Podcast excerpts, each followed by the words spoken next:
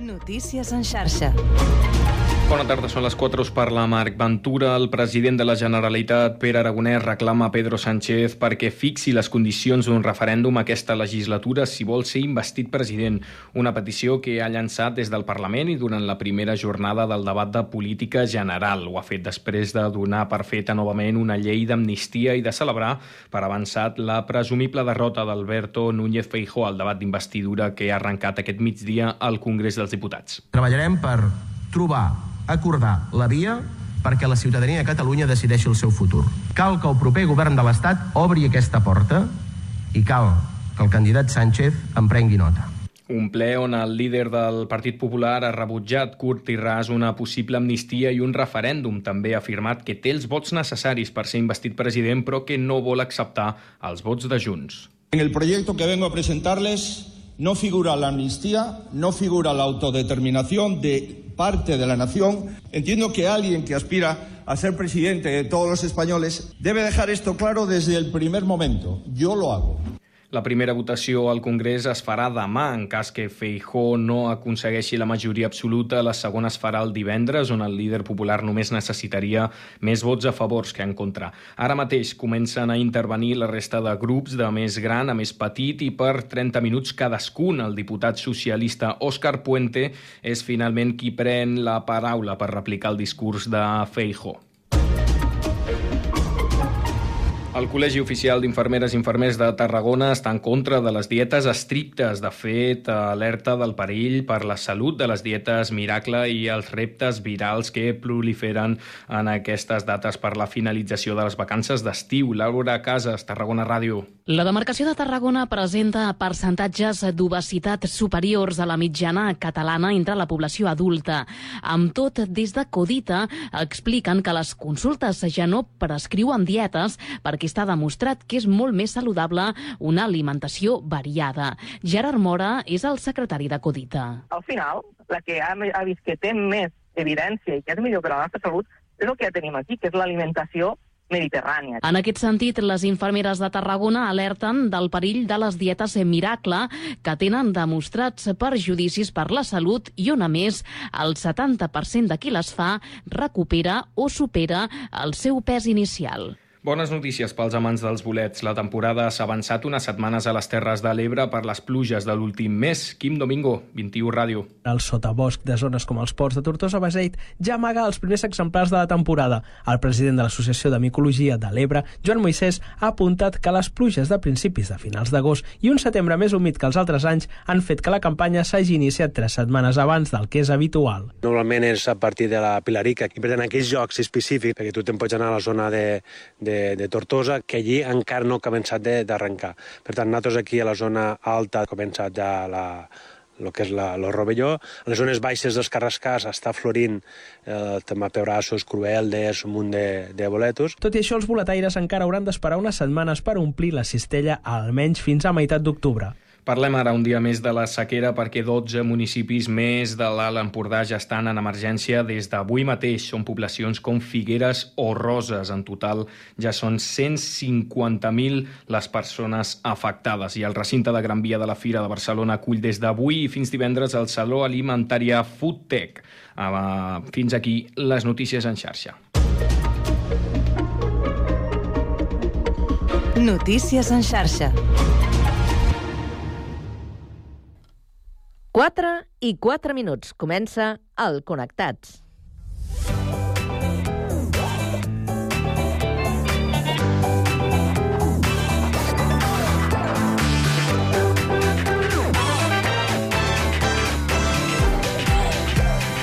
Connectats amb Carme Reversa.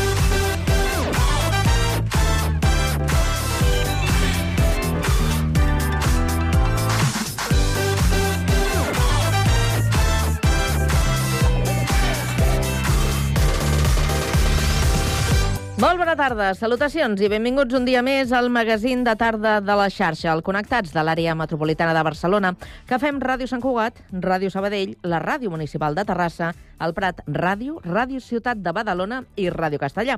Una salutació de tot l'equip conduït a la part tècnica per Oriol Coromina, Jessica Rius a la producció i de qui us parla, Carme Reverte. Avui és dimarts 26 de setembre i volem saber quin temps ens espera aquesta tarda. Lismi Pérez. Continua aquest temps completament anticiclònic, tranquil i molt i molt suau. De fet, a hores d'ara es torna a enfilar força la temperatura i arribarà aquesta tarda a màximes de 30-31 graus, fins i tot a l'ombra a les comarques de Ponent. De fet, a gran part de Catalunya, des de la costa fins a les valls pirinenques, ens mourem entre els 26 i 30 graus de temperatura. I sempre amb molt pocs núvols, alguns que aniran apareixent a les muntanyes de Tarragona, també cap al sud de Barcelona, al Pirineu més gironí, però sense cap mena de conseqüència aquestes nuvolades. En vista el dimecres despertarem amb més humitat que avui, més boirina, més boira, sobretot cap a la Costa Brava, també a la Catalunya central i les Terres de l'Ebre, i demà al migdia i demà a la tarda tornarà el sol i la temperatura igual d'alta que la d'avui. Per tant, una tarda, la de dimecres, d'estiu. Us seguirem a la xarxa. Avui al Connectats parlem de la situació que viuen les farmàcies amb la falta de subministrament de més de 900 medicaments. En parlarem amb Antoni Torres, president de la Federació d'Associacions de Farmàcies. Acabarem aquesta primera hora amb la tertúlia generalista per analitzar la investidura i l'amnistia i la distribució gratuïta a Catalunya a partir del primer trimestre del 2024 de productes mensuals per a la dona. A partir de les 5 coneixerem la terrassenca Raquel Muñoz, educadora i escriptora. Continuarem amb l'espai espai dedicat a la llengua per tractar sobre la immersió lingüística amb Esther Sancho, coordinadora de l'equip TIC de l'Institut de Ciències de l'Educació de la Universitat Autònoma de Barcelona. I acabarem amb cultura i l'exposició que té lloc a Sabadell sobre les inundacions del 1962 al Vallès. Tot això i més des d'ara i fins a les 6 de la tarda a la vostra emissora local. Connectats? Comencem.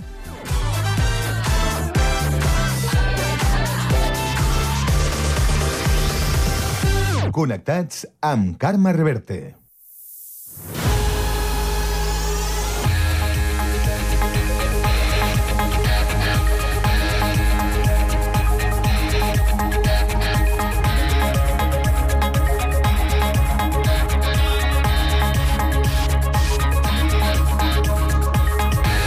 A les 4 i 7 minuts de la tarda ens actualitzem, fem una ronda informativa que iniciem per Terrassa. Sergi Estapé, bona tarda. Bona tarda. El Raval de Montserrat de Terrassa es va tornar a convertir ahir en una gran perruqueria en una nova edició de la campanya Posa't al seu cap. És una iniciativa de l'associació Policies por Valientes formada per agents municipals i que té per objectiu recaptar fons per a la investigació del càncer infantil. Els que han volgut han pogut repassar el cap a canvi d'un donatiu. És una manera de visibilitzar un dels signes més evidents del càncer i empatitzar amb els malalts. A banda de recollir diners, l'acte també vol conscienciar la ciutadania. La campanya Posa't al seu cap va afegint cada any opcions alternatives per a aquells que no s'atreveixen a rapar-se i també es fan extensions, trenes i fins i tot les ungles. Tot plegat per atraure el màxim de gent possible. Aquest any s'han sumat a la causa una cinquantena de persones, comptant els, comptant els professionals i els estudiants de l'Institut de Terrassa. La gran rapada col·lectiva ha estat acompanyada de paradetes amb pulseres i samarretes solidàries, tot plegat en benefici de la investigació a l'Hospital Sant Joan de Déu. Gràcies, Sergi. Anem ara a Sabadell. Pau Duran, bona tarda. Bona tarda. Els baixos del Llac Center tornaran a omplir-se de comerços. Ho faran un cop obri la residència d'estudiants que s'està habilitant tot just a sobre al llarg del 2024. L'edifici, que en el seu origen era un centre comercial i oficines, porta tancat durant dècades. Montse González, tinenta d'alcaldessa d'Economia i Serveis Centrals, ho ha avançat avui en una entrevista al Cafè de la Ràdio. Al Llac Center, com sabeu, hi ha la, la residència d'estudiants, que estarà acabada, si no m'equivoco, per finals del 24. Això ha fet que reactivi també la part interna, per tant, vindran, o sigui, quedarà, quan, quan això estigui acabat el 24, estarà ple. Uh, tampoc puc avançar noms perquè això, així ens ho demanen, però el llac Center es reactiva al 100%. Tindrem comerços i tindrem altres, altres coses que vindran a instal·lar-se. L'objectiu és donar un nou impuls comercial a l'Eix Macià. Per això, a més de reactivar l'antic del llac Center, des del consistori també estan en converses amb els inversors del centre comercial Paddock per tal que les instal·lacions tornin a captar marques que s'hi vulguin instal·lar. De la mateixa manera, González ha dit que a partir de l'any que ve s'iniciarà el procés per reobrir tres dels quatre mòduls de restauració que estan tancats des d'abans de la pandèmia. En paral·lel, en breu, s'ha de fer una prova pilot a la zona nord de l'avinguda per reordenar les terrasses de la zona, tot plegat per fer compatible l'activitat amb el descans dels veïns. Gràcies, Pau. Abandonem eh, momentàniament el Vallès. Anem al litoral, a Badalona. Andrea Romera, bona tarda. Bona tarda, Carme. El grup municipal del Partit Popular ha presentat una moció contra la tramitació d'una llei d'amnistia durant el ple ordinari d'aquest dilluns. L'oposició ha criticat aquest gest retraient a Xavier García Albiol haver deixat de banda el badalonisme. El president del grup dels socialistes, Fernando Carrera, ha remarcat que després que l'alcalde fes campanya amagant el logo del Partit Popular, la moció presenta presentada contra l'amnistia sí que l'inclou. Presenten aquesta moció perquè els obliguen. El Partit Popular presenta aquesta moció a tots els ajuntaments d'Espanya. Aquesta és la realitat. Aquesta moció no ha sortit a les 5 de la tarda. Aquesta moció porta sobre la taula setmanes. Jo estic convençut del que volen amagar. Volen amagar que estan posant la ciutat a disposició dels interessos del senyor Feijó. Per la seva banda, el republicà Àlex Montornès li ha recordat al Viol que sense ell el Partit Popular no tindria tanta força a Badalona. Per això l'acusa de segrestar la veu dels veïns independentistes. Vostè s'ha tret la, la pell d'ovella. Ara tots els votants independentistes ja saben que vostè els ha segrestat la seva veu, perquè quan el Partit Popular no tenia majoria absoluta, els altres grups podíem representar millor segurament l'anel de país que pot tenir el nostre país, que no és el del Partit Popular. Dolors Sabater, de Guanyem Badalona, ha acusat el Viol de tractar de delinqüents els qui no pensen com ell. I des d'en Comú Podem, Aida Llaurador ha defensat que oposar-se a l'amnistia significa posicionar-se en contra d'una solució política a un conflicte nacional. Gràcies, Andrea. I al Prat de Llobregat avui, que és notícia? Luis Rodríguez, bona tarda. Bona tarda. El Casí de Focs enguany des de tres punts diferents ha posat el punt i final a la festa major del Prat. Un darrer dia que ha acabat amb els concerts del Flaming Hip Hop de les Quetecalles i Tamara Jerez, interpretant clàssics de Rocío Jurado que han omplert els escenaris del Fondo d'en Peixo i la plaça de la Vila. Una edició que ha servit per consolidar alguns dels espais que es van estrenar l'any passat, així com la nova distribució per zones. Anna Martín Cuello és la tinenta d'alcalde de Cultura, Educació i Comunitat. Fem una valoració molt positiva i molt bona, sobretot per la gran participació que han tingut la majoria d'actes de la ciutat. Fins i tot a, a arribar a ser multitudinaris alguns concerts que s'han desenvolupat en espais que consolidem a la ciutat, com és la zona, com és l'espai Zona Jove, i, o també el Julio Méndez, que han tingut els concerts de gran format tot plegat en un cap de setmana amb molt bon temps, sense pluges i amb una ocupació màxima als escenaris que hi havia distribuïts per tota la ciutat. En destaquen especialment els actes de cultura popular, com la Dia de Castellera, la trobada gegantera o el Partifoc, però també els concerts que s'han desenvolupat a la zona jove, al Parc d'en Fondó d'en Peixo i al Julio Méndez, que es volen consolidar com a espais diversificats per edats i públics, a banda també de la plaça Sant Jordi, que ha acollit amb gran èxit la Cirquera. Un cop tot acabat, l'Ajuntament ha obert una enquesta pública per conèixer l'opinió de la ciutadania per preparar l'edició 2024 de la festa major més xamosa i galana. Gràcies, Lluís. I ara, de retorn al Vallès, arribem a Castellà. Guillem Plans, bona tarda. El castellarenc campió de vela David Sánchez ha estat rebut al Palau Torrà per l'alcalde Ignasi Jiménez i pel regidor d'Esports Nacor Bueno. L'esportista ha rebut un diploma en reconeixement dels seus mèrits esportius per acabar primer en el Campionat de Catalunya amb valer ORC Altura A2. A més, va participar en la Palma Vela del Real Club Nàutic de Palma i també va guanyar el trofeu de vela Conde de Godó del Real Club Nàutic de Barcelona. Recentment ha participat en el Campionat del Món de Vela amb una setena posició, tot i no tractar-se d'un equip professional al 100%. Gràcies, Guillem. I abans de marxar, un repàs a l'actualitat de Sant Cugat amb Jessica Rius. Bona tarda. Bona tarda. L'Ajuntament de Sant Cugat projecta tancar el 2023 amb les pitjors xifres de la història. Així ho ha afirmat el tinent d'alcaldia d'Economia, Carles Brugaroles, en una roda de premsa que per explicar el futur econòmic del consistori. L'equip de govern xifra en més de 25 milions d'euros el dèficit genera, generat aquest any i en un menys 4,49% l'estalvi brut una situació que, unit amb, amb els més de 9 milions de dèficit del 2022 i un estalvi brut també en negatiu, menys 2,13%, ha portat l'Ajuntament a estar tutelat per la Generalitat i aplicar un pla de sanejament que implicarà ajustos molt importants. Sense concretar l'impacte d'aquest pla, Brugaroles ha assegurat que es mantindran les obligacions, la despesa social i el compromís amb les entitats sense apujar impostos, però ha parlat de repensar serveis i activitats i de prendre decisions valentes. Escoltem Carles Brugaroles. Estem dient davant amb una situació doncs, realment dura, inèdita en aquesta administració, que cal naturalment revertir, que el principal factor de la qual és la caiguda de, de, de l'ingrés, sobretot per les plusvàlues, però també per la no adaptació del ritme de despesa en aquesta situació, i que arran del tancament en negatiu aquest Ajuntament es troba en situació de pla de sanejament de cara al 2024 en el marc del pla de sanejament. Les úniques inversions possibles seran les que provinguin dels pressupostos procedents i no es podran co consignar altres noves, tret que provinguin de baixes pressupostàries. Tampoc no es podrà recórrer a l'endeutament per reforçar el pressupost d'inversió.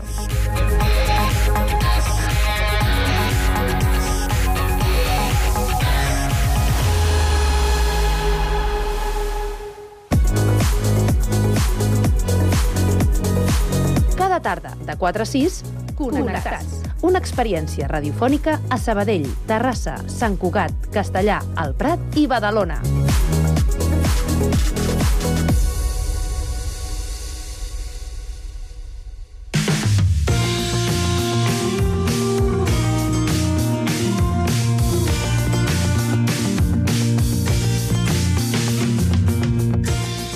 D'ençada de la pandèmia repeteixen els episodis de falta d'alguns medicaments a les farmàcies. L'últim afecta els antibiòtics, cardiovasculars, antidiabètics, que són els que presenten més dificultat a hores d'ara. D'aquesta situació en volem parlar amb Antoni Torres, farmacèutic i president de la Federació d'Associacions de Farmàcies de Catalunya. Antoni, bona tarda. Hola, bona tarda, què tal? Quina és la situació a dia d'avui? Continua igual? Continuem eh, amb aquesta problemàtica? S'ha incrementat una mica més? Quina és la situació? Mira, la situació lentament, però empitjora. Empitjora progressivament. Eh, ara estem amb 970 medicaments que falten en aquest moment, més o menys dels, que tu, dels tipus de medicaments que tu has dit, perquè això també va variant va variant en el sentit que avui no el tens, però la setmana que ve en tens, però després trigues dos mesos i ho torna a tenir. Diguem que estem amb incertesa. És greu? No, no és greu perquè l'arsenal terapèutic que tenim a Espanya és gran, però sí que comença a preocupar molt perquè hi ha determinats medicaments que ja comencen a ser un problema. Perquè, clar, ja on trobaràs una entrada similar, però eh, el metge ja li prescriu una altra, però cal canviar la dosis, cal canviar les rutines, cal canviar i això, eh, fonamentalment, les persones que són cròniques, eh, no és quelcom que favoreixi el compliment terapèutic, quan això és un dels problemes greus que tenim. Pensem que a Espanya eh, els crònics estan...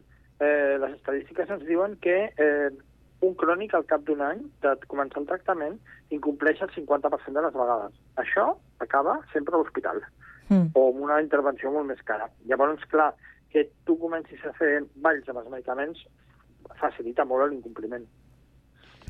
I aquesta, aquesta llista que enumeràvem al principi, que ha incrementat a, als 900 medicaments que ja estaven afectats fa, fa uns dies, eh, quins són els que s'incorporen a, a la llista?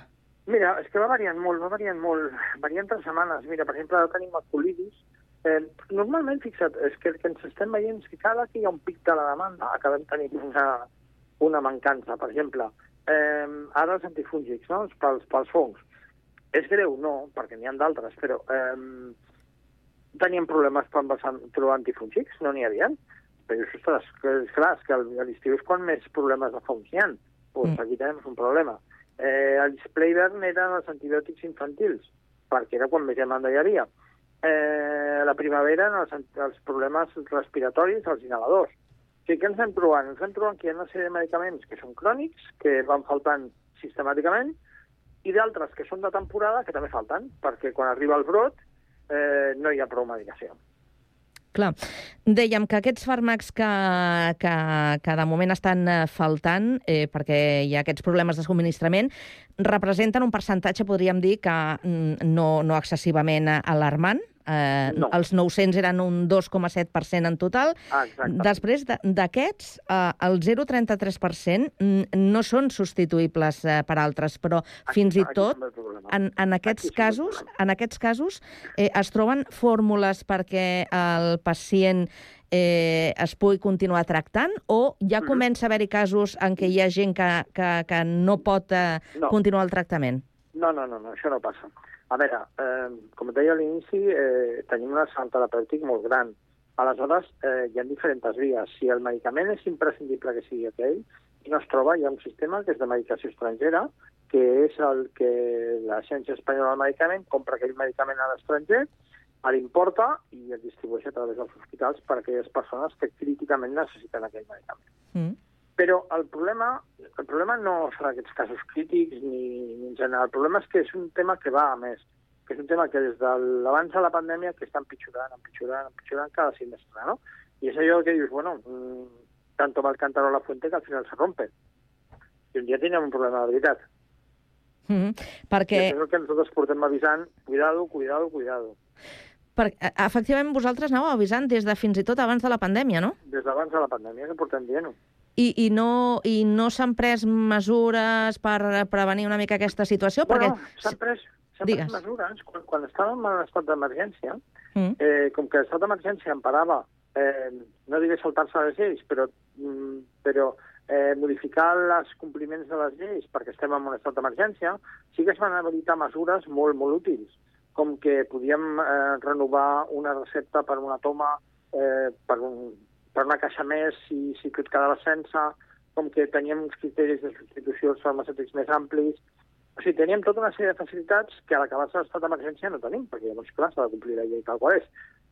Eh, I això no s'ha solucionat. O sigui, no s'han posat mesures perquè aquests canvis necessaris per poder-nos adaptar en aquests casos de, que hi han de ser despeixaments, eh, el farmacèutic pugui eh, col·laborar amb el sistema de salut en donar una resposta perquè la gent eh, no tingui que eh, patir angoixa cap aquí, cap allà, a veure si el trobo o no el trobo. Mm.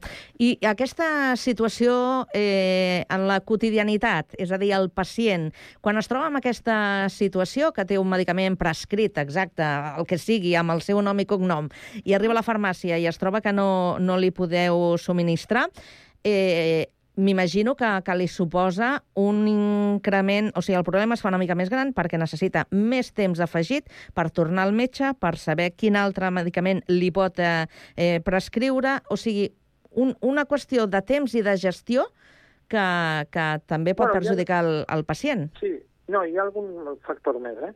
Mira, normal quan la persona ve i no el tenim, nosaltres el que fem és mirar a veure si algun altre proveïdor el podem aconseguir. Mm. Si no el podem aconseguir, tenim un sistema de farmàcies que estan interconnectats, que es diu PharmaHealth, i a través d'aquest sistema nosaltres preguntem si alguna farmàcia de l'entorn té aquest medicament. Vale, si el té, doncs diem, mira, mm, aquesta persona vol aquest medicament, li diem a la persona, mira, el tens a la farmàcia, el vols? Sí, vale. El va buscar i ja està. Si així tampoc, si així tampoc apareix, finalment l'opció que hi ha és que el tornem a enviar al metge perquè el metge li faci una recepta d'un nou altre medicament. Que a vegades, a vegades, això és una de les coses que són bastant absurdes, no? Perquè potser t'han prescrit el medicament A amb caixa de càpsules de 28. I la caixa de càpsules del medicament de 28 no n'hi ha, però és que hi ha el de 30. Però Mm. no te'n puc donar amb la recepta, perquè la recepta ja no val. O hi ha el de 14, m'és igual, ¿vale? Això complica molt la vida. Si nosaltres tinguéssim aquesta capacitat de poder fer substitucions d'aquest estil, pues, què passaria? Pues que la persona, tu li dones el medicament i dius, mira, en comptes de prendre una, te dones a prendre dos. O en comptes de que te duri una setmana, te donarà tres dies i te'n puc donar dos caixes, m'entens? Totes aquestes coses que vam fer durant la pandèmia.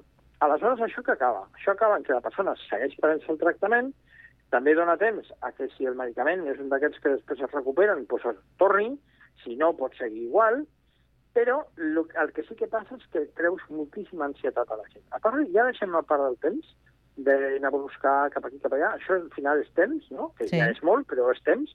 El problema és quan tu tens un nano petit que resulta que necessita un inhalador, que s'està ofegant i tu no trobes l'inhalador. Ahí tens un problema. El problema és l'angoixa que això et genera. O que tens que prendre un antibiòtic perquè estàs amb febre o el que sigui i no trobes l'antibiòtic. Aquest és el problema. Que això et genera una angoixa important, que no facilita, des de l'ego en res, eh, que et recuperis. Ni Ja. tu ni que el farmacèutic et pugui donar una resposta. I Mm. generen situacions a vegades complexes. Eh, llavors, eh, Antoni, aquesta no és una situació que ens trobem aquí a casa nostra, sinó que és una situació generalitzada per la qual estan passant també altres, eh, altres punts de, de la resta del món, no? No, no, no. Això és un sistema, això és una història global. Això ens afecta fonamentalment a Europa, moltíssim, perquè Europa eh, va eh, externalitzar la producció dels medicaments a la Xina i a la Índia fonamentalment. Això ha fet que, quan la Xina i l'Índia han pujat el seu nivell de vida, consumeixen més, per tant exporten menys, i a més que eh, amb tots els problemes que ve la Covid, això ja es va disparar d'una forma espectacular. Però falta, passa una altra cosa, que els precursors dels medicaments també es fabriquen a Xina i a l'Índia. O sigui que si algun laboratori a Espanya o a Europa que fabrica, tampoc pot perquè no té el precursor del medicament. Con lo cual tenemos un bonito problema. ¿Qué pasa? Que en països com Espanya, Portugal o crec que era Malta i Grècia, perdó, que els preus dels medicaments van baixar més, tot arreu d'Europa van baixar, però els preus dels medicaments van baixar més de la mitjana, hi ha una normativa europea que facilita que eh, els països que dins d'Europa tenen preus més baixos puguin exportar els preus als països on estan els preus més alts. Què passa? Que tens una altra sortida de medicaments perquè se'n va cap a països com Alemanya o com a Holanda o com sigui, que són més cars els mateixos. El mateix medicament, eh, fabricat pel mateix laboratori. Sí. Llavors, clar, aquí és un problema de legislació europea. Europa, igual que fixa el preu de no sé què, doncs té que fixar un marge de preus pels medicaments, perquè el que no és lògic és que per un tema de, eh, de preus tinguis part d'Europa desabastida de medicaments. I a banda d'aquesta qüestió que podríem dir més eh, política, hi ha també um, un altre factor que té a veure amb la disponibilitat o no de, de la matèria primera, no? Correcte. Correcte. És que són, són, al final, la- les causes del, dels desabasteixements és un, és un, no és una causa simple, és multifactorial. Una és aquesta de- global, no? la que t'he explicat a Xina i a Índia, mm -hmm. La, les precursors dels medicaments que també es fan allà. Vale. Una altra és nacional. Si Espanya tingués uns preus similars a la resta d'Europa, no hi hauria aquest trasbàs de medicaments d'Espanya cap a altres països. Portugal el que va fer va ser ara fa poc pujar el preu de determinats medicaments perquè estiguessin a la mitjana europea. Perquè d'aquesta manera, què li passava? Que entrant el mateix medicament a Portugal no tenia faltes, perquè no sortia cap a altres països. I la tercera causa és que la rigidesa que té la legislació espanyola perquè el farmacèutic pugui col·laborar amb el seu coneixement amb facilitar que, que es puguin eh, donar resposta a determinades faltes. I si tu sumes tot això, tens un problema. I solucions? Eh, les veieu a curt termini? Solucions? Sí, sí, sí, sí, sí. Hi ha solucions a curt i a a llarg. La més llarg és que Europa està traient a través de l'Agència Europea del Medicament una normativa per posar ordre en aquest tipus de coses. Moltes de les que jo t'he dit estan incloses a la, a la proposta de la normativa europea, però Europa podem dir que és tot, tot menys ràpida. Mm. Eh, bueno, aquest és un camí que seguirà la seva via. En quant al, en quant al preu dels medicaments, això és una decisió del govern espanyol. Punto. Té que decidir-ho. Que, ojo, que no, no estic dient que siguin més cars per la gent. Estic dient que eh, el preu del medicament ser el que és. No, eh, no, no un preu mm, que, que no obeeix a la realitat, perquè llavors què passa? Que se, se te'n va d'Espanya a altres països. I tercera, que facilitis al farmacèutic, que això també és legislació, que pugui fer les mateixes accions o similars que feia durant la pandèmia. Això no solucionaria la, la desabasteixement, però sí que solucionaria que el pacient es prengués el medicament que toca, com toca i quan toca. Davant de tota aquesta situació, eh, el, el pacient, la persona que arriba al mostrador de la farmàcia i es troba que no, no li poden eh, dispensar el medicament que, que necessita, eh, acaba entenent eh, el, que, el que li expliqueu? Acaba d'entendre la situació?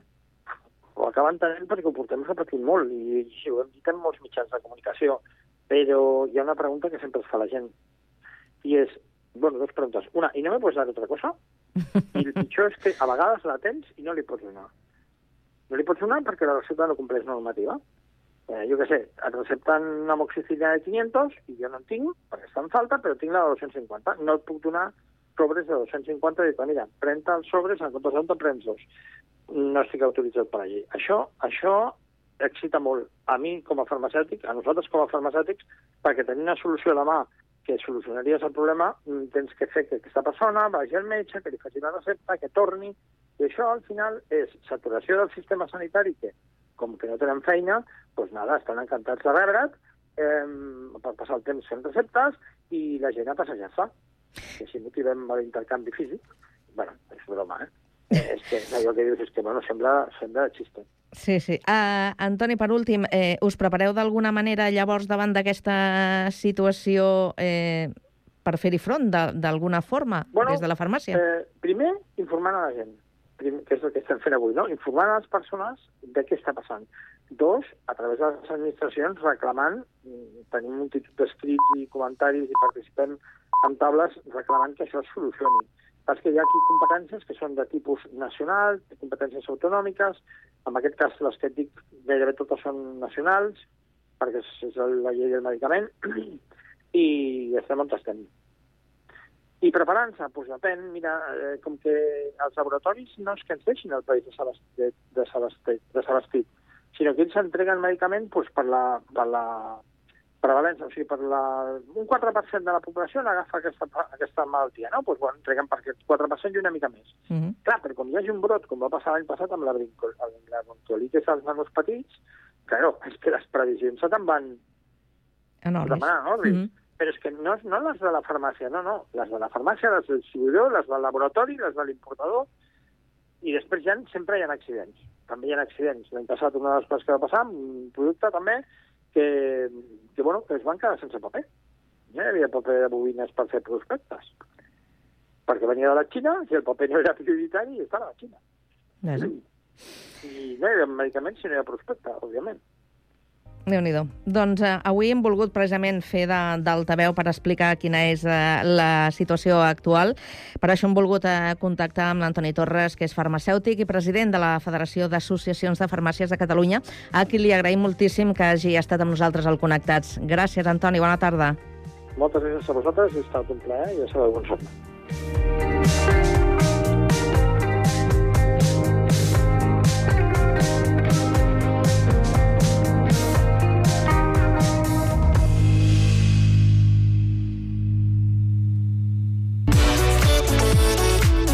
Tarda no et desconnectis.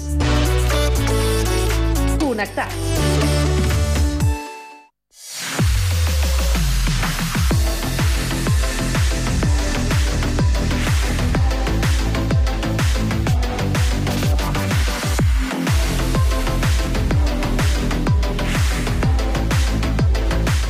I passen dos minuts de dos quarts de cinc de la tarda. Ens disposem a obrir aquest espai d'opinió. La tertúlia Tres Bandes avui la compartim amb l'Anna Maria Vives, infermera i presidenta d'Anastàsies de Badalona, el grup de dones que treballa per la cultura.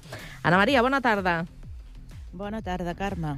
També saludem a la Montse Moral, que és farmacèutica, la tenim a l'estudi de Sant Cugat. Montse, bona tarda. Molt bona tarda. I ens n'anem a Sabadell, on ens espera el Rubén Ramiro, estudiant de Ciències Socials. Rubén, bona tarda. Hola, bona tarda.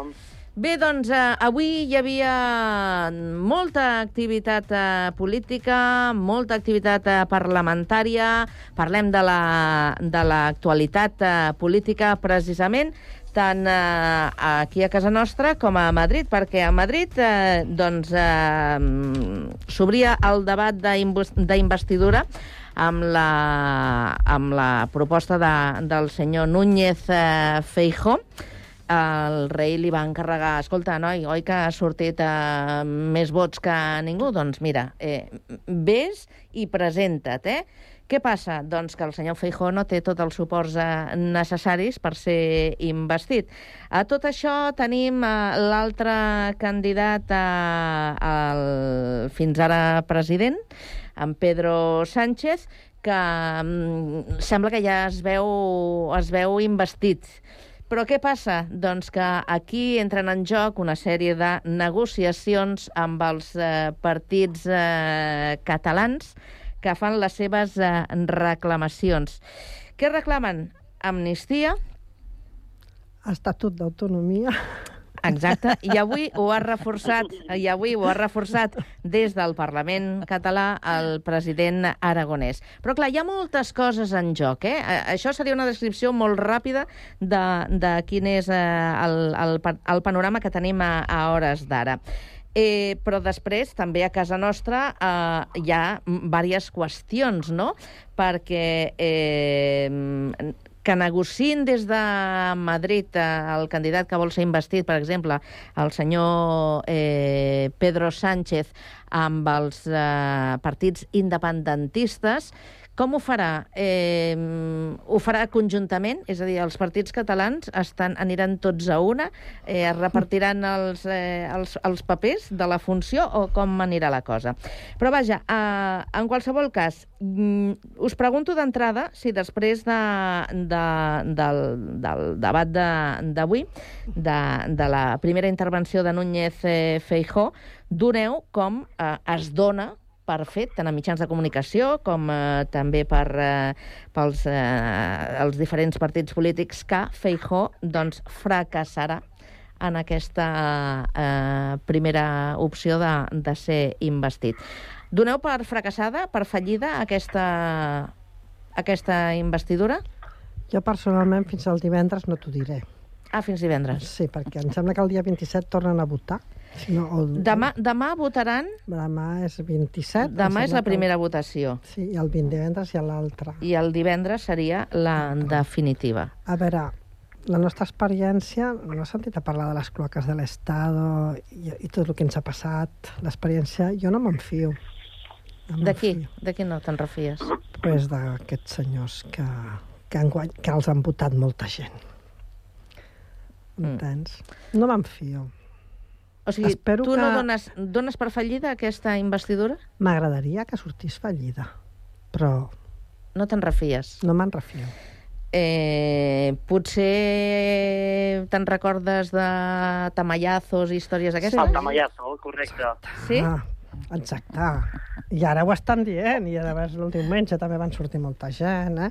Vinga, Rubén, eh? que tu també ens- tens ganes, tens ganes. Vinga! No, realment, realment, aviam, és veritat que el Pedro Sánchez va fer una purga ben bona de, a les llistes de, de, del Congrés.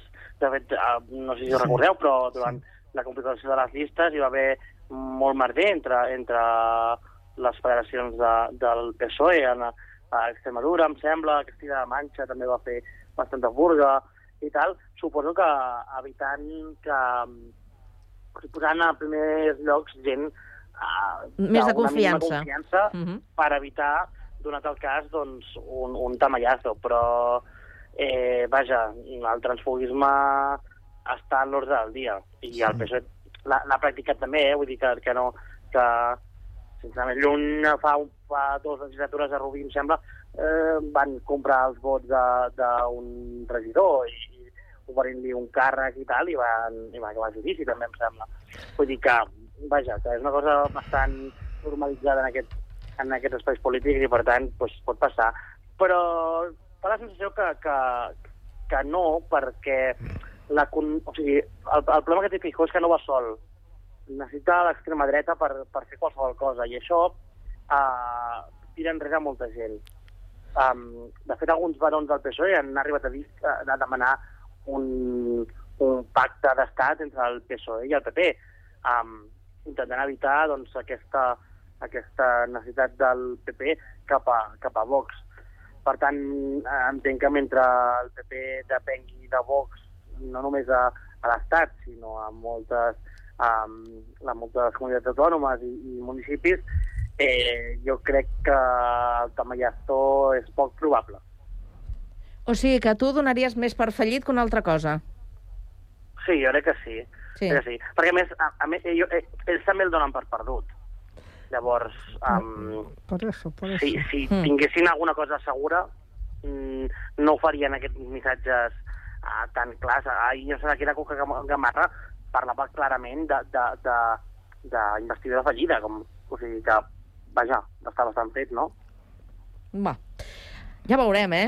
A veure què passa. Eh, Anna Maria, tu com ho veus i com ho vius, això? Jo, jo també desitjaria eh, que, fos un, que fos fallit, vull dir que, que aquests del PP Bueno, nosaltres és que els patim aquí a Badalona, llavors no, no ens faria cap il·lusió patir-los també a Madrid. Però tampoc les tinc totes, eh? perquè, aviam, el PSOE és molt PSOE i, i no oblidem, és molt espanyol i sembla que de tot en tinguem la culpa els catalans, eh, de tot, eh? Vull dir, inclús jo crec que si ens poguessin carregar la pandèmia ens la carregarien. Per tant, jo quan veig aquestes manifestacions multitudinàries amb aquests eslògans que diuen la veritat és que no, no les tinc totes, ni, ni molt menys, eh? Vull dir, jo estic una mica mm, amb la Montse, sí. ho veurem com anirà, jo, de, de totes maneres, ja et dic, eh, el meu desig és que, és que no surtin, però mm, no ho sé, a més a més, ara tots aquests moviments que hi han també des, de, des dels els ajuntaments, de que en els plens es demana doncs, que es, es, es, es fagin mesures en contra, a favor d'aquesta nova llei d'amnistia i tot plegat, aquí a Badalona hi va haver-hi un ple i, clar, hi ha majoria absoluta del PP, ja us imagineu que en va sortir-ne del ple.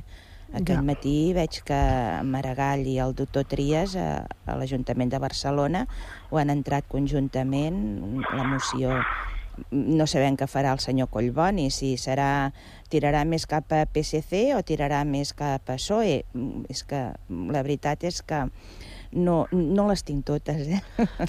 em sap greu, però no les tinc totes. Com que estem fent eh, allò... Sí, estem fent, estem jugant una mica a, a veure diferents escenaris. Jo estava pensant ara, no fa gaire, ara no em facis dir quines lleis, que van fallar els mateixos del propi partit. Sempre pot haver errors. És que aquí només ah, sí. depenem de quatre vots. Sí, sí. Com per mm. casualitat sí, sí. deixa algú que s'equivoqui. Mm. No, però mm. això no, no, no, la, el sistema de votació és... Uh, oral. És oral, t'has d'aixecar, has, has, ah. has de donar la cara, crec, eh? Sí, és votació sí. alçant-se i, i, Espero que no i, i responent. perquè si han de pretxar un botó... Amb el botó és una mica més dissimulat. Sí.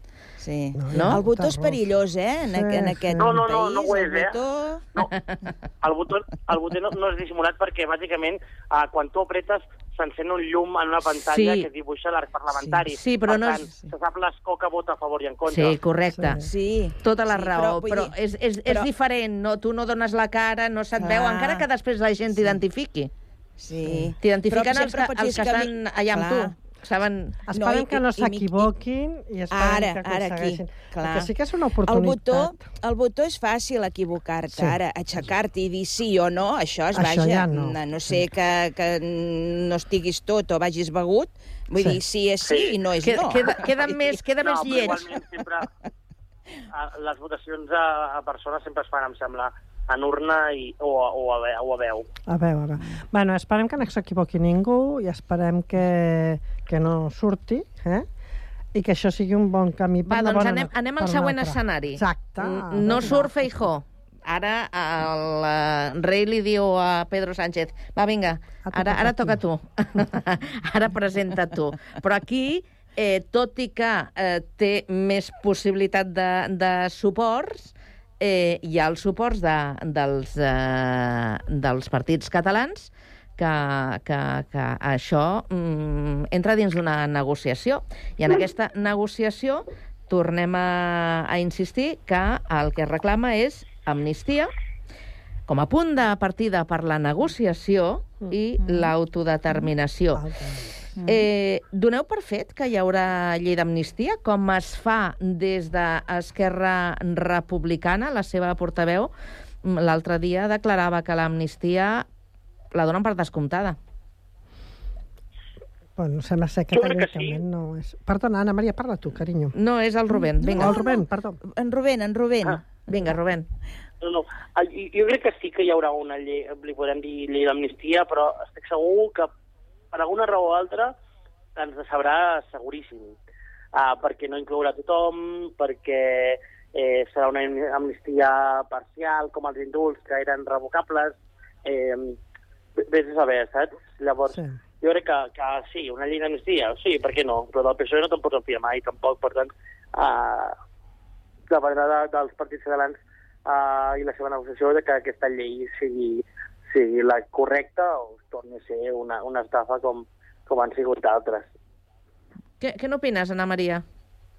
jo que em, em, em fa por, eh, aquesta, aquesta llei de- d'amnistia, perquè un cop tinguin el, el sac ben lligat, no sé si l'obriran perquè surti alguna cosa. Entenc que, eh, que, el, que el president aragonès no, no es deixarà prendre el pèl, ni molt menys pe, pe, pel president Pedro Sánchez, pel, bueno, pel, pel proper president, però, mm, clar, um, promeses ens n'han fet tantes i n'han complert uh -huh. algunes? Cap. Cap ni una. Per tant, mm, després ja ho sabem el que passa amb les lleis en aquest país, que mm, uns les foten al Constitucional, els altres arriben als jutges de torn, i, clar, mm, serà realment la, la llei d'amnistia que des d'aquí reclamem o serà descafeinada? Un cop estigui en Pedro Sánchez al poder, què passarà? Clar, tot això són incògnites. Jo penso que serà això, descafeinada, o que passarà el llistó mínims per dir que hem fet alguna per poder seguir avançant, perquè és que tampoc no tenen temps de, de, de redactar-la bé i córrer pressa de, de no La tenir que repartir... Exacte, Corre, investidura corre per pressa no... la investidura. Corre pre... mm. El problema és que tenim pressa per la investidura per no repartir les eleccions. Llavors, mm. clar, aquesta llei d'amnistia és complexa, no és fàcil. O sigui, s'hauria de fer i s'hauria de fer bé. I corrim el perill de que sigui això, una cosa descafeinadeta. Llav Llavors, eh, pel que esteu dient, eh, aquesta amnistia no serà el punt de, de partida de les negociacions, però si es fa a posteriori? O, bueno, jo, jo he sentit moltes coses i es parla d'això, no? Que, està, que la deixen ben embastada amb una voluntat ferma de fer-la, però per desenvolupar-la després, no? Però també ha d'haver altres coses. Segur que llavors, si, si es dona aquesta condició, s'hauran d'aplicar també que volen això, l'autodeterminació, però també es parla molt de recuperar tot el tema de rodalies i la qualitat de vida dels catalans, perquè la veritat és que tot el que és el tema de sanitat, rodalies, estem malament. I aquí també fa falta. I, bueno, i ara amb les últimes balances fiscals, que hem vist que són 22.000 milions els dèficit, és molt gros, eh, això. Rubén, que et picava la gola. Uh, no, no, no, jo totalment d'acord eh, amb, amb, amb, amb totes. Eh, també jo vull pensar que, que Esquerra és la, la lliçó d'aquestes últimes eleccions i que, i que sí, és un partit eh, progressista, però, però, però també és, és independentista i ha de, ha de posar-se les piles en, en aquest segon terme perquè, perquè, perquè no, no, no les ha tingut aquest, aquesta última legislatura i, i, i, i per això ha tret els resultats que ha tret. Per tant, esperem que sí, que, que es posin les piles i, i, i treballin en, en el sentit que, que, que toca. De fet, Esquerra Republicana eh, reclama a Pedro Sánchez entrar a, a la negociació, perquè eh, així d'entrada i en vista dels resultats, qui sembla que té la paella palmana, que és eh, Junts. De fet, la figura de Carles Puigdemont ha estat al centre de les últimes eh, converses, de les últimes eh, trobades, eh, així importants aquests últims dies. Però si estem parlant d'una negociació dels partits catalans, de l'independentisme, eh, per, eh, per, per fer possible aquesta investidura, la pregunta és eh, s'hi posaran d'acord eh, els, els partits independentistes per anar tots a, a una o... Jo- jo- No. Vinga. No. I des jo de encara- Badalona, què dieu? Jo encara faria una altra pregunta, Vinga. abans de que si es posessin, es posessin d'acord. Què diran molts dels barons del PSOE? Què dirà en, en Felipe González, que anirà en, en, Pedro en, en guerra, que ja fa poc que han, han ressuscitat eh, totes aquestes persones, que jo creia que ja bueno, estaven momificades i vist que no, que ja no tan sols era l'Aznar i, i en Rajoy, sinó que els altres també treien els seus, eh, Sant Cristos grossos, aquests que, que diran. És que no, jo no ho veig tan, tan fàcil, tan fàcil com perquè el, el, en Pedro Sánchez tingui les mans lliures per, per fer qualsevol signatura eh, amb els partits independentistes, eh? No- ja no li ja no tan sols que, que vagin junts, sinó que, com reaccionaran els altres, eh? No, no els hi posaran fàcil, a més els interessa que vagin separats. O sigui, és que la guerra d'ells es divide i venceràs, és el que practiquen. Ah. Sí, sí. Però si més no, fixeu-vos que aquests dies els d'Esquerra estan com molt satisfets de que el Puigdemont ara vulgui dialogar, que hagi anat a les seves tesis del diàleg, que fins ara no... Mm. O sigui, que això sí que li estan tirant un, li estan picant a l'ullet en el Puigdemont, però, però bueno, després aquí tenim un problema. Avui no, no he pogut seguir el debat d'investidura, però eh, tenim un govern en minoria aquí al Parlament. Ah, tu parles de la sessió del Parlament. Avui, hi ha hagut sessió aquí. de Parlament Sí. i estan en minoria, Mhm. perquè Junts va marxar. I Mhm. no sé, clar, ara anar junts allà a Madrid per investir el Sánchez, però aquí encara estem separats, és molt complexa. Sí, sí, l'escenari és... I Vamos. el que estem passant aquí, estem pende... aquí no, no avancem perquè depenem de lo que passi allà, no? Perquè, clar, després Mm. haurem de pactar pressupostos, fixa que no s'han presentat Vinga, que el Rubén ens traurà de... Vinga, va, Rubén. No, jo, jo, o sigui, que, que, que, que um, això que deies, que, que tens tota raó, aquí tenim un problema més gros, i és que hi ha uns dols encara per, per assumir que no s'han passat. Um, Esquerra, òbviament, té un dol uh, pendent amb la gestió que ha fet l'últim mandat uh, a Espanya, que uh, s'ha passat els mandons uh, massa, i, i això les urnes els castiga, però i, i, i, els de Puigdemont encara tenen uh, la, la, la, la gola travada que, que perdessin les eleccions per, davant, per darrere d'Esquerra i, i, i els perdessin la presidència de la Generalitat. Um, llavors, fins que no superem aquests, aquests problemes d'egos, perquè a més molts d'ells, molts d'aquests problemes uh, simplement són d'egos, uh, els partits catalans no poden anar a la una. I, i també passa en la societat civil, eh? però, però, però principalment a- en la política. Llavors, clar, sí, aquí també, aquí també estem en minoria i, i també tenim una, una legislatura incerta, com, com serà la- l'espanyola. Bueno, aviam què passa. A veure, jo, que sóc positiva de mena, ho tenim tot molt embolicat, però molt, però tenim una, una situació única, per primera vegada, i som decisius. Som decisius i, i estem avançant pantalles, però ara ja parlem el català i es parla Si en volen, català. si ara, si passen de Catalunya, no, no... Eh?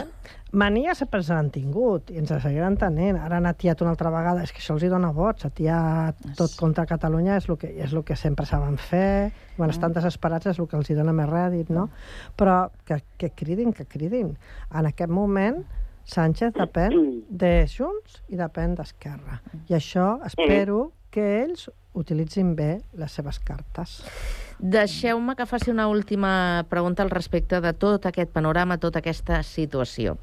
Eh, descartem anar a unes noves eleccions després del que heu estat comentant? Jo no voldria que... No. Jo, no.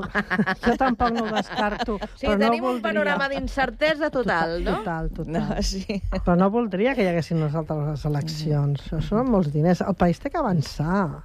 S'han d'aprovar pressupostos, s'han d'arreglar les rodalies i la gent encara, no sé, la gent està encara no es queixa prou, però no sé. Bueno, hi ha hagut Sí, no, moltes no és eleccions, veritat, eh? eh? Fins que no s'han arreglat les rodalies, eh, han passat i han passat eleccions. Sí. Anna Maria. Però, però, però és, el que, és el que diu la Montserrat, eh? Jo no sé, la, la gent no, no ens queixem o suficient, eh? Jo, hi, hi ha hagut moments que he pensat, ara tornarem a sortir tots al carrer. Mm. Vull dir, a fer soroll, no, no a destrossar ni, ni No, tot això, clar. ni molt menys, però sortirem a fer soroll. Sortir... I, i, I no... Oi, no. No, no, No, no, no. oi? Ens fa mandra, ja. No, però és que a més està Sí, sí, aplicant sí. la llei Mordaza i per qualsevol cosa Clar. te tracten de terrorista, Clar. però si hi ha gent que per Sí, voler, per voler fer una acció perquè no els agradava la volta, només per planejar una activitat, Sí. ja els van, Mm. els van arrestar. És que ni ho havien fet, Mhm. és que ara ja té... No sé. No, no. Clar, Rubén. davant d'aquesta situació... No ho havíem fet, però hi havia un, un barril de 300 litres d'oli. eh? Sí, Quina llàstima, eh? D'acord, No, no, era, no era de cuina, no, l'oli? Però mira, Rubén, ara, ara perdona, però... No, no, tens, tens raó, tens raó, eh? Mira, que al final, ah, però, però jo no crec que sigui un problema de llei, de llei mordassa o de por, eh? Sí, jo crec que És de mandra. La Sí, gent està mandra, oi? Sí, sí. Anestèsia total. Sí. Estem Home, anestesiats. estem pagant, estem pagant Sí. l'oli a, a, a un preu exorbitat Mm. sense raó, perquè ara estem consumint la- la- l'oli de, que es va fer l'any passat. Sí, I l'any passat es va fer un oli gairebé amb normalitat, per tant, el preu hauria de ser el de l'any passat.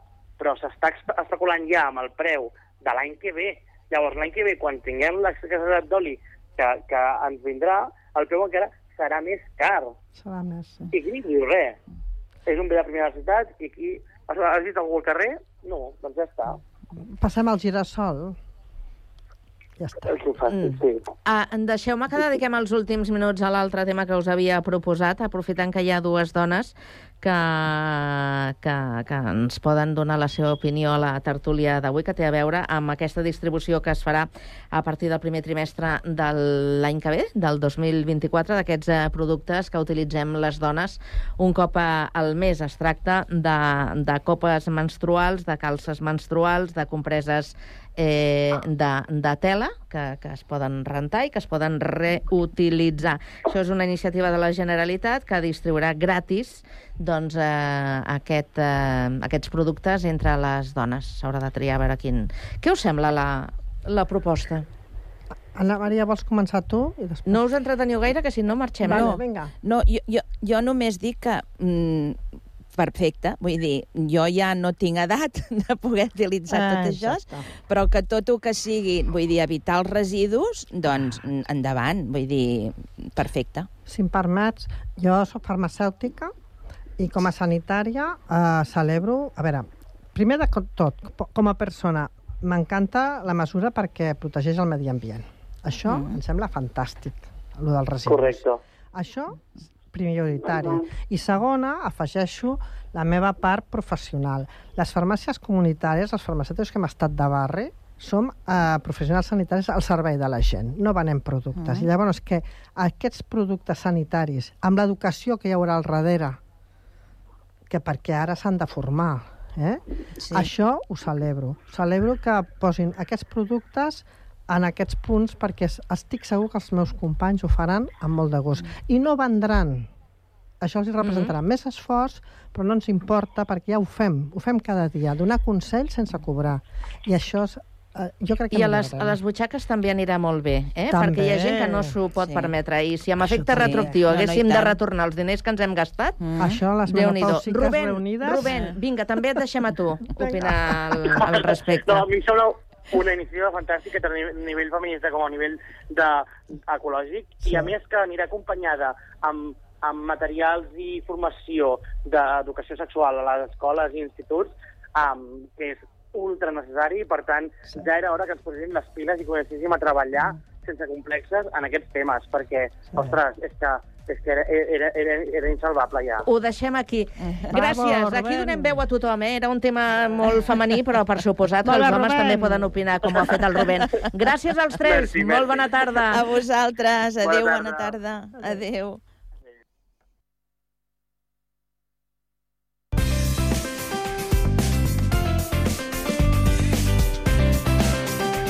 Ràdio Sant Cugat, Cugat Mèdia, 91.5 FM.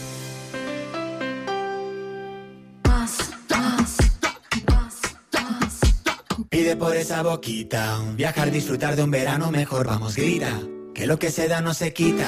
Tot el que li demanes a l'estiu, demana-li al nostre assessor i aconsegueix fins a 500 euros en un cupó regal del Corte Inglés i molt més. Consulta les condicions. Viatges al Corte Inglés. Sant Cugat, Braseria La Bolera, el restaurant braseria situat al vell mig de la ciutat. Més de 20 anys oferint la més alta qualitat en tots els seus productes, en amanides, carns, verdures, Braseria La Bolera. Amplis menjadors per a celebracions familiars, batejos, comunions, casaments, Braseria La Bolera. Els que ja la coneixen sempre hi tornen. Baixada de l'Alba 20, al costat del monestir. Telèfon 93 674 1675.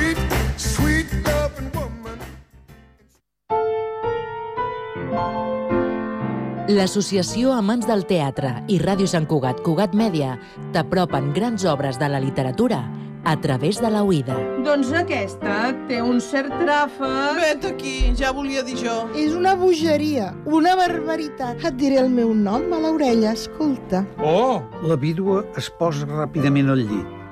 Radioteatre amb obres de Jean Cocteau, Martí Boada, Robert Robert, Mercè Rodoreda, Pere Caldés o Anton Chekhov. Al 91.5 FM i a www.cugat.cat.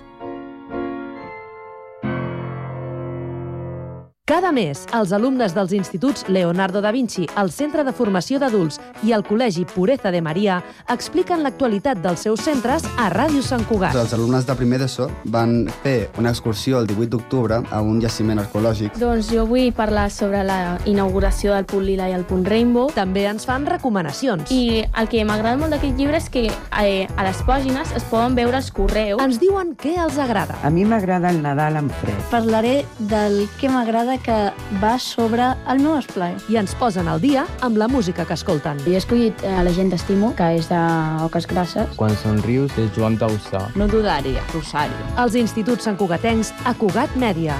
Els dijous a les 10 a Ràdio Sant Cugat i en podcast a Cugat.cat i a Ull Crític.